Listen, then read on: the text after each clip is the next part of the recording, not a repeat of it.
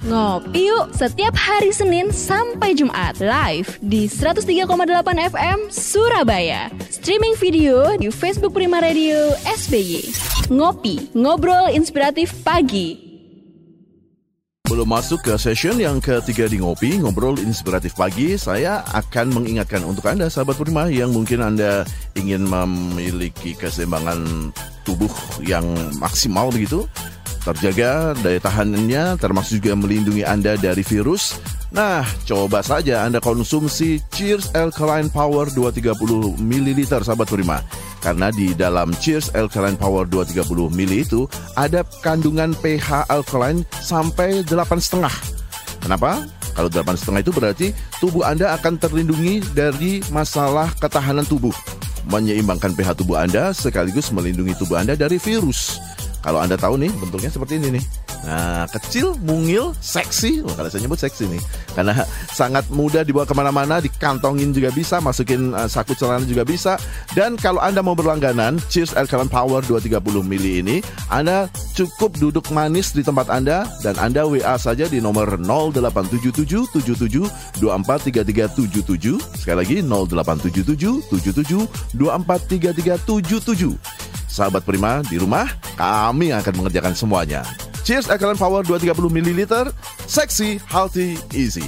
Baik, kita balik lagi ke ngopi ngobrol inspiratif pagi bersama Ibu Amelia Imago dari Healing Center Surabaya. Silakan Ibu di sesi yang ketiga yang tinggal beberapa menit. Baik. Berarti ya, tips saya kita berikutnya. untuk yang berikutnya. Aha. Ya, yang berikutnya saya lanjutkan yang berikutnya adalah relakan anak gagal. Hmm. Jadi supaya mereka belajar, ini bahasa saya agak puitis, supaya mereka belajar bahwa tidak ada kesempurnaan. Oh iya iya iya. Tapi nah sekali lagi itu Jadi, memang butuh um, ke kelegoan ya Bu ya. Iya, betul. Kalau Karena tega itu gitu. tidak mudah, khususnya ketika, iya, ketika apalagi sekarang lagi masa belajar online ya Pak Diki ya. Hmm. Jadi eh, para sahabat terima atau pendengar radio lain juga mungkin tahu lagi belajar online nih kalau ada pertanyaan atau apa yang anak-anak jawab, kita tuh kayak kepinginnya aduh, pokoknya mereka harus benar, kita yang jawabin. Iya iya iya betul betul. Kalau kita ngedenger kan guru ah harusnya bisa nih ayo, ayo, gitu kan rasanya nggak sabar kalau anak nggak bisa Iya, jawab gitu iya. betul betul betul Betul. Ya, jadi em, mungkin ini juga butuh proses dari orang tua. Jadi saya Mhm. bicara proses ya. Memang nggak mudah. Kita juga mungkin ambisi, punya ambisi atau punya tuntutan. Tapi mari eh, saat mumpung, mumpung ini masih usia dini, Hmm. relakan bahwa kadang-kadang memang gagal itu bisa terjadi. Jadi itu memang em, proses itu akan membantu mereka saat nanti mereka dewasa. Jadi ketika mereka belajar bahwa kalau aku gagal bagaimana responnya. Nah, itu yang penting. Jadi bukan karena oh ya gagal ya sudahlah gagal bukan, tapi bagaimana responnya. Apa yang akan kita kerjakan kalau gagal. Supaya nanti waktu dewasa kalau ketika mereka menemui kesulitan atau tantangan, dia tidak mudah menyerah dengan itu. Begitu gagal, mentalnya adalah aku baru gagal satu kali, aku akan coba lagi. oh Ketika iya. aku coba lagi dan belum berhasil, aku juga coba lagi. Nah, itu proses ini adalah ketika proses menerima kegagalan. Proses yang benar saat menerima kegagalan. Jadi memang kadang-kadang kita orang tuh harus nahan diri ya, Pak Didi. Jadi kalau nggak apa-apa lah ini salah, nanti berikutnya kita kasih tahu loh. Kamu tahu tadi salahnya di mana? Gitu. Oh, iya. Kadang-kadang kalau semuanya tiba-tiba udah dijawabkan, semua tiba-tiba udah dibantuin, kelihatannya hidupnya sempurna gitu. Padahal di dunia luar, di tantangan, di kehidupan yang sesungguhnya itu em, orang tidak bisa menerima kita bahwa kita adalah orang sempurna. Pasti kan ada kelemahan, pasti ada kegagalan. Iya. Nah, itu proses yang mungkin bisa dibantu orang tua saat mereka usia dini. Baik. Saya lanjut yang terakhir ya, Pak. Iya, yang Biar kelima ya berarti ya Ibu ya.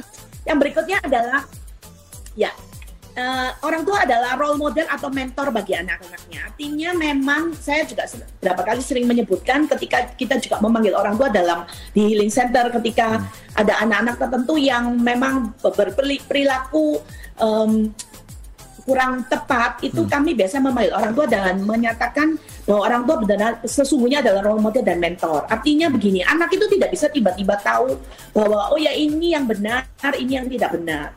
Kalau bisa tiba-tiba tahu berarti itu adalah mujizat gitu ya atau itu ajaib keajaiban. Tapi lah jauh daripada semuanya itu sebenarnya orang tua yang harus menunjukkan begini caranya, ayo dilakukan yang ini, begini yang perlu dilakukan sejak usia dini. Jadi memang role model itu orang tua menunjukkan caranya, mereka juga mementor anak-anaknya. Itu penting sekali. Kenapa? Supaya anak-anak juga belajar melihat figur. Hmm, Dan ya, itu adalah ya. kesempatan yang baik orang tua bisa berkomunikasi dengan anak. Sekali lagi hati-hati karena ini memang bukan ini eh, bukan diskriminasi tapi para mama kecenderungannya eh, bukan mentoring tapi para mama kecenderungannya adalah ngomel. Bedakan, ya, ya, bedakan ya. ngomel dengan mentoring artinya dengan memberi memberikan caranya dan bagaimana melakukannya seperti itu. Oke, Eh, waktu kita sebenarnya terbatas, tapi maaf kita harus ma- karena ini ada yang jauh-jauh dari Bukit Tinggi, Bu. Nggak apa-apa, kita coba jawab dalam waktu yang Oke, sangat amat iya. singkat. Dari Bapak Sugita, Bapak Sugita 44 tahun dari Bukit Tinggi, memonitor eh, Prima Radio dari X-Space. Nah, pertanyaannya sejak kecil hidup saya sudah sangat susah gitu. Dan saya sudah terbiasa juga oleh ayah saya itu dididik untuk melakukan apa pun sendiri.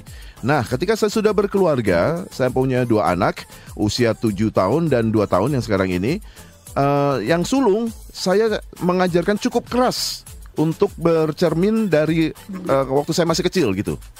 Nah, eh, tapi saya sering tidak eh, tega kepada anak saya yang paling kecil, yang dua tahun itu sesuai dengan usia mereka eh, dia gitu ya. Eh, bahkan maaf, eh, ini sering mendapat tentangan dari istri saya yang kadang sering tidak tega melihat anak saya, terutama yang nomor satu dididik begitu keras seperti saya waktu kecil gitu. Misalnya nih, eh, anak saya yang nomor yang nomor satu itu yang usia tujuh tahun itu belum sampai sekarang belum bisa naik sepeda. Padahal teman-temannya sudah ke sekolah, berangkat eh, jalan bersama teman-temannya atau naik sepeda. Nah itu salah satu contohnya. Bagaimana Bu tentang tentang hal ini? Ya, baik. Ya, terima kasih untuk pertanyaannya. Em, saya melihat di sini adalah konsistensi yang pertama. Jadi eh, orang tua memang saya pun mengakui bahwa sejujurnya perlakuan orang tua terhadap anak terkadang tampaknya kok agak berbeda. Nah itu betul-betul perlu hati-hati karena nanti ada sesi lain. Saya, saya ini udah pernah di, sampai di Prima Radio. Jadi Ah. apakah boleh pilih kasih ya? Apakah Ah, pilih kasih oh iya, iya. Tapi Kita catat nih. intinya adalah seperti ini. Jadi Iya. Jadi intinya adalah sebenarnya bagaimana kita memperlakukan anak kita karena anak kayaknya pasti dua. Mm-mm. Ini dua-duanya nih tipenya berbeda, Oke. nggak mungkin sama. Mm-mm. Nah, tapi harus dengan bijak melihat. Kalau memang ingin membangun disiplin, ya benar-benar dua-duanya juga perlu dibangun disiplin. Tapi gayanya mungkin harus berbeda karena karakternya ber- ber- berbeda. Mm. Mereka juga eh, mungkin punya eh, dibangun dengan kebiasaan-kebiasaan yang diterima lalu DNA-nya tuh mungkin jatuhnya yang sini lebih kuat, misalnya ini lebih berani, ini lebih pemalu dan sebagainya. Nah itu harus dengan gaya yang berbeda, tapi intinya sama adalah, adalah ketika mengajarkan tanggung jawab untuk kakak, berarti itu juga berlaku untuk adik, berapapun usianya. Hmm. Tugas dan tanggung jawab mungkin kan lebih besar, mungkin karena kakak karena usianya dia sudah lebih bisa misalnya ngangkat yang berat atau Hmm. yang adik sedangkan yang adik belum. Tapi tetap sama-sama diberi porsi walaupun porsinya berbeda, tapi porsinya tetap diberi. Oke. Mengajarkan disiplin juga seperti itu. Jadi disiplin misalnya kalau kakak bangunnya harus tepat waktu jam 5, berarti adiknya juga. Hmm. Jangan karena dia masih kecil, ah nggak apa-apa biar tidur gitu ya. Nah Hmm. berarti orang tua udah melakukan pilih kasih dan tanda petik mau, mohon maaf pakai kata ini yang salah. Kenapa? Oke. Karena itu juga akan menimbulkan luka Hmm. untuk anak untuk dalam anak itu sendiri. Jadi itu menimbulkan loh kenapa aku harus gini hanya karena aku ini duluan lahir. Hmm, Kenapa aku harus iya, gini kan iya. karena aku kakak? Heeh. Kenapa adik tidak? Pasti ada pertanyaan itu yang mungkin mungkin mereka juga kadang-kadang tidak pernah sampaikan. Iya, iya. Jadi saran, saran saya adalah porsinya mungkin bisa jadi berbeda, tapi nilainya atau apa yang mau diajarkan penerapannya harus tetap sama. Oke, oke, oke, betul. Seperti itu. Jadi konsistensi dan porsi yang sama perlu eh, sorry porsi yang berbeda tapi nilai yang sama perlu tetap diberikan. Supaya nggak iri-irian begitu ya, Bu ya.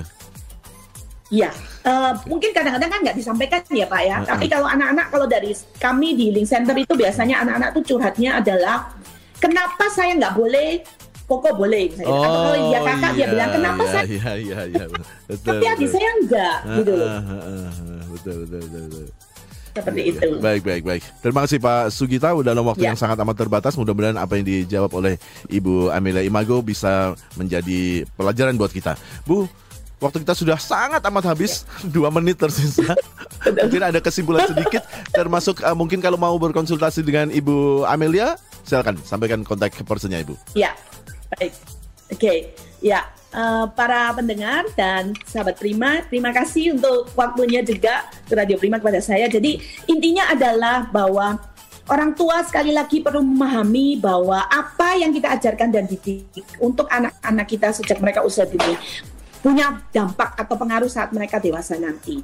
Nah, entah orang tua merasa, oh saya kalau anak saya mau di saya bantu itu mereka cukup bangga atau entah anak saya khawatir kalau anak saya nggak cukup mandiri memang karena kita berurusan dengan manusia ini adalah proses adalah semua adalah proses jadi mari dengan bijak um, ada tarik ulurnya ada uh, partnya yang harus kita tahan, mm-hmm. misalnya teganya harus kita dan sebagainya. Mari kita bisa melakukan itu.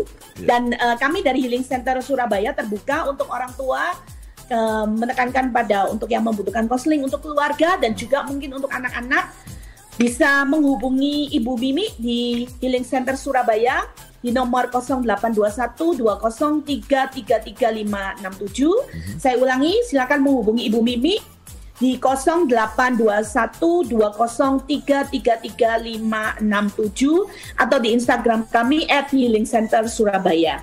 Pak Didi bisa ya. sekarang konseling bisa dilakukan online. Oh iya, jadi bisa kapan pun ya. Ya. Baik. Ya. Ibu Ibu Amelia terima kasih atas waktunya. Mohon maaf gangguan di awal-awal perbincangan tadi. Semoga memuaskan juga untuk ya, sahabat rumah yang lain ya. Ya. Ya, baik. Terima kasih Ibu Amel. Ya. Sukses selalu, sehat selalu. Salam untuk teman-teman di Healing Center Surabaya ya. Amin. Baik. Sama-sama untuk Radio Prima. Baik, terima kasih Ibu. Terima kasih juga untuk sahabat Prima yang sudah memonitor untuk program Ngopi Ngobrol Inspiratif pagi hari ini. Saya Didi Adhiksa pamit. Terima kasih sekali lagi semuanya. Sehat selalu. Assalamualaikum warahmatullahi wabarakatuh. Ngopi yuk setiap hari Senin sampai Jumat live di 103,8 FM Surabaya. Streaming video di Facebook Prima Radio SBY. Ngopi, ngobrol inspiratif pagi.